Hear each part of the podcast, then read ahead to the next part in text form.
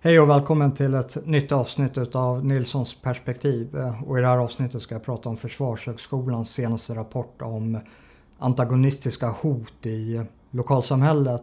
Men innan vi börjar så vill jag bara säga att i helgen så släppte jag min senaste bok på samma tema som rapporten.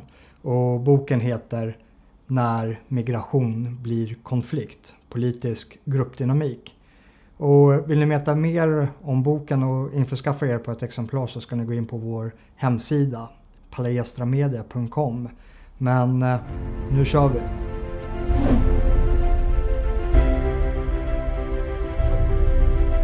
Mitt eh, gamla lärosäte, Försvarshögskolan, har släppt en ny rapport rörande så kallade antagonistiska hot i lokalsamhället. Vilket egentligen bara är en skönskrivning av vad som gett upphov till rapporten, vilket vill säga mångkulturen. För är det någonting som mångkulturen är, per definition, så är den just antagonistisk. Det är förekomsten av olika grupperingar som lever på samma geografiska yta som via sina kulturella uttryck kommer söka dominans i sina egna lokala områden. Och de här kulturella grupperingarna kommer att se det som att det här är så vi lever och vi lever på det här sättet i det här gemensamma området. Det betonas också i förordet på rapporten att det här är inte en vetenskaplig rapport utan det är en antologi med olika experter som ger sina analyser på vad de uppfattar vara hot och risker i samhället som kan vara anses vara särskilt allvarliga. Och mycket av det som omnämns i den här rapporten är det vi får ta del av i nyhetsflödet när det kommer till våra särskilt utsatta området. Och eh, så här kan man läsa på en artikel i Expressen. Där en forskare säger att för att jämföra sprängdåden i Sverige så måste vi vända oss till krigszoner för att hitta en motsvarighet. Rapporten eh, beskriver hur kriminella grupper, extremister och andra aktörer använder sig av hot och våld på ett sådant sätt att dess konsekvenser och utfall de facto påverkar tillvaron för medborgarna, lokalsamhället och dess företrädare på lokal nivå. Och eh, kapitelurvalen baseras på det antagonistiska hot som listas i eh, regeringens nationella säkerhetsstrategi. Därav eh, blandas också IS-terrorister, jihadister med den organiserade brottsligheten och högerextremism ihop under ett enda gemensamt epitet. Vilket är då antagonistiska hoten mot eh, lokalsamhället. Antagonistiska hot ska i det här sammanhanget utläsas som eh, grupperingar som är beredda att spela utanför vårt gemensamma regelverk för att främja sin egen grupps eh, intressen med hjälp av våld eller eh, hot om våld om så behövs. Och att det då blandar ihop delar av den legitima oppositionen med kriminella gäng och islamister kan inte betraktas på annat sätt än att rapporten har gått igenom ett eh, politiserande filter. Bland annat så omnämns kaffe och fikasällskapet Det fria Sverige som ett antagonistiskt hot mot lokalsamhället. Det fria Sverige är en nationalistisk förening i stil med vad Folkets hus var för Socialdemokraterna. Det har en fastighet i Älgarå som fungerar på exakt samma sätt som Folkets hus säger sig att göra.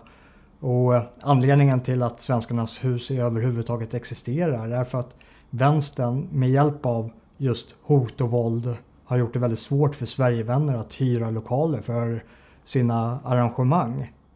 Men att eh, redaktörerna till den här rapporten inte har upplåtit ett kapitel åt våldsvänstern får nog helt enkelt betraktas som att de inte anser att dessa utgör ett hot mot lokalsamhället och dess medborgare.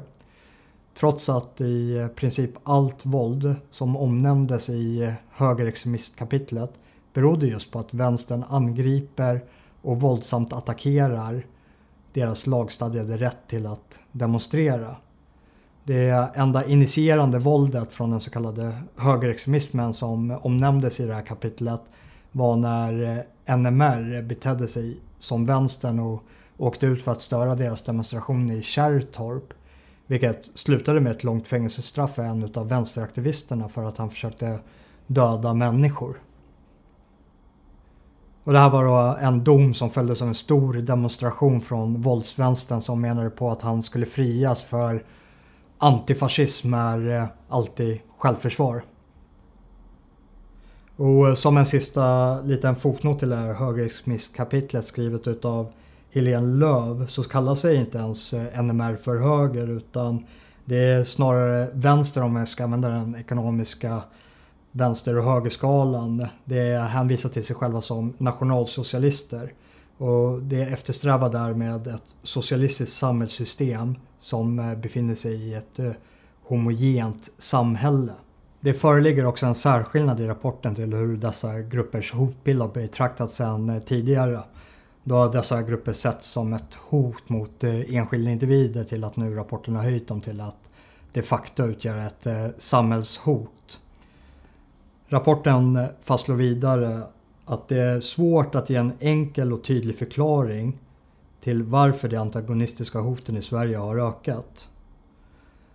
Redaktörerna Henrik Häggström och Hans Brun, som båda arbetar som analytiker på Försvarshögskolan, spekulerar i vad ökningen kan bero på.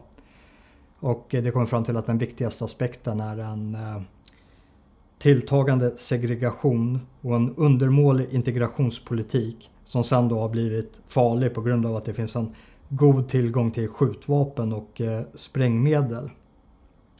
Jag skulle nog snarare säga att anledningen till att vi har problem med parallella samhällen är för att vårt politiska etablissemang har försökt att göra ett tillsammans av ett vi och ett dom. Det det handlar om är helt enkelt grundläggande politisk gruppdynamik.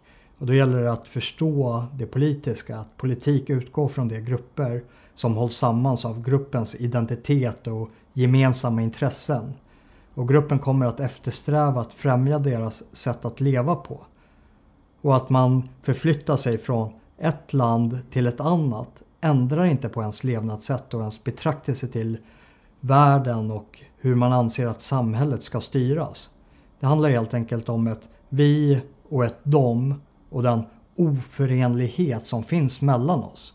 Att det inte finns något utrymme för kompromisser då våra respektive värdegrundssystem är för långt borta från varandra för att kunna hitta någon gemensam yta att stå på. Och eh, vårt nuvarande etablissemang står helt oförstående till den här politiska realiteten. Det spelar alltså mindre roll vilka lagändringar våra makthavare genomför i riksdagen för normerna föregår lagen i de här områdena. Det är inte det skrivna ordet i Svea rikes lagbok som primärt formar vårt beteende. Det är vår omgivning och den sociala kontext och den miljö som man själv befinner sig i. Och inom vissa av dessa särskilt utsatta områden är kvinnor tvingade att bära slöjor för att slippa bli sexuellt trakasserade. Det är områdets norm som upprätthålls utav dem som har makten och styrkan, alltså viljan och förmåga att eh, upprätthålla de här normerna. Och det här är ingenting som vår ordningsmakt med polisen bara kan storma in i de här områdena och lösa med hjälp av eh, vårt våldsmonopol. Det rör sig om från, eh, i enlighet med rapporten då, om så kallade moralpoliser som försöker kontrollera kvinnors rörelsefrihet och klädsel. Kvinnor som rör sig ensamma utomhus eller klär sig på ett felaktigt sätt utsätts för hot och påtryckningar. Om du som kvinna inte följer dessa normer så kommer du att bli fritt villebråd. Det kommer att i deras mening vara fritt fram att behandla dig som den hora som de betraktar dig som på grund av hur du klär dig. För de här tjejerna som blir drabbade så hade det lika gärna kunnat stått i Svea rikes lagbok att de måste ha slöja på sig. För utfallet är exakt detsamma. Att de är tvungna att bära den oavsett vad de själva tycker om det. Det är så här grupperna i dessa områden vill leva och det gör dem oförenliga med vårt sätt att vara. Våra gruppers värdegrundssystem är fullständigt väsensskilda så det finns inget utrymme för kompromiss. Och en av anledningarna till problemet som lyfts i rapporten är att vi har misslyckats med integrationen. Men att få in dessa människor till vårt värdegrundssystem och till vårt sätt att betrakta världen på är fullständigt omöjligt. Det kommer aldrig att hända. Och anledningen att jag vet det är på grund av att jag är född i det här landet. Jag har gått igenom hela systemen från början till slut. Genom förskolan, skolan, gymnasiet, värnplikten och universitetet. Och kan inte det här systemet med all dess makt att få mig som Sverigevän att se förträffligheten i etablissemangets världsfrånvända värdegrund som används om och om igen som en religiös dogm för att signalera godhet. Ja, då kommer det inte heller att kunna integrera det som är väsensskilt till etablissemangets certifierade värdegrund. Att det överhuvudtaget kan tro att det ska kunna integrera islamister till värdegrunden när det inte ens kan övertyga oss, sin egen befolkning. Det är för mig mycket märkligt. Det enda vi kommer att få om vi tillåter den här politiska betraktelsen att fortgå är ett utökande av samhällen i samhället. Vi har inte bara sharia-poliser som säkerställer sedligheten bland eh, ortens kvinnor. Vi har också fått eh, parallella juridiska rättssystem. Rapporten fastställer att eh, hot och påtryckningar från klanmedlemmar leder till att alternativa rättssystem blir allt vanligare. Något som i sin tur kommer att underminera rättsstaten.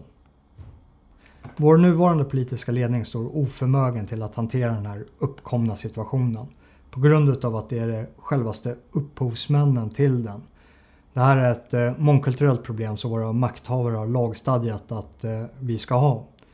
Och vi på Palestra Media kommer i vår nästa dokumentärfilm gräva i varför vi har det här fullständigt självpåtagna problemet. I vår nästa satsning Varför är Sverige en mångkultur? Vi är eh, helt beroende av era återkommande donationer. Vill ni vara med och hjälpa oss i den här satsningen så kan ni göra det på palestramedia.com. Där kan man skriva upp sig på en månatlig donation eller ge en engångssumma via antingen kreditkort, Swish eller eh, Paypal. Och för er som gillar att läsa så finns min nya bok När migration blir konflikt, politisk gruppdynamik nu till salu och även den finns på palestramedia.com. Eh, Tack för att ni har eh, lyssnat. Vi syns till nästa gång.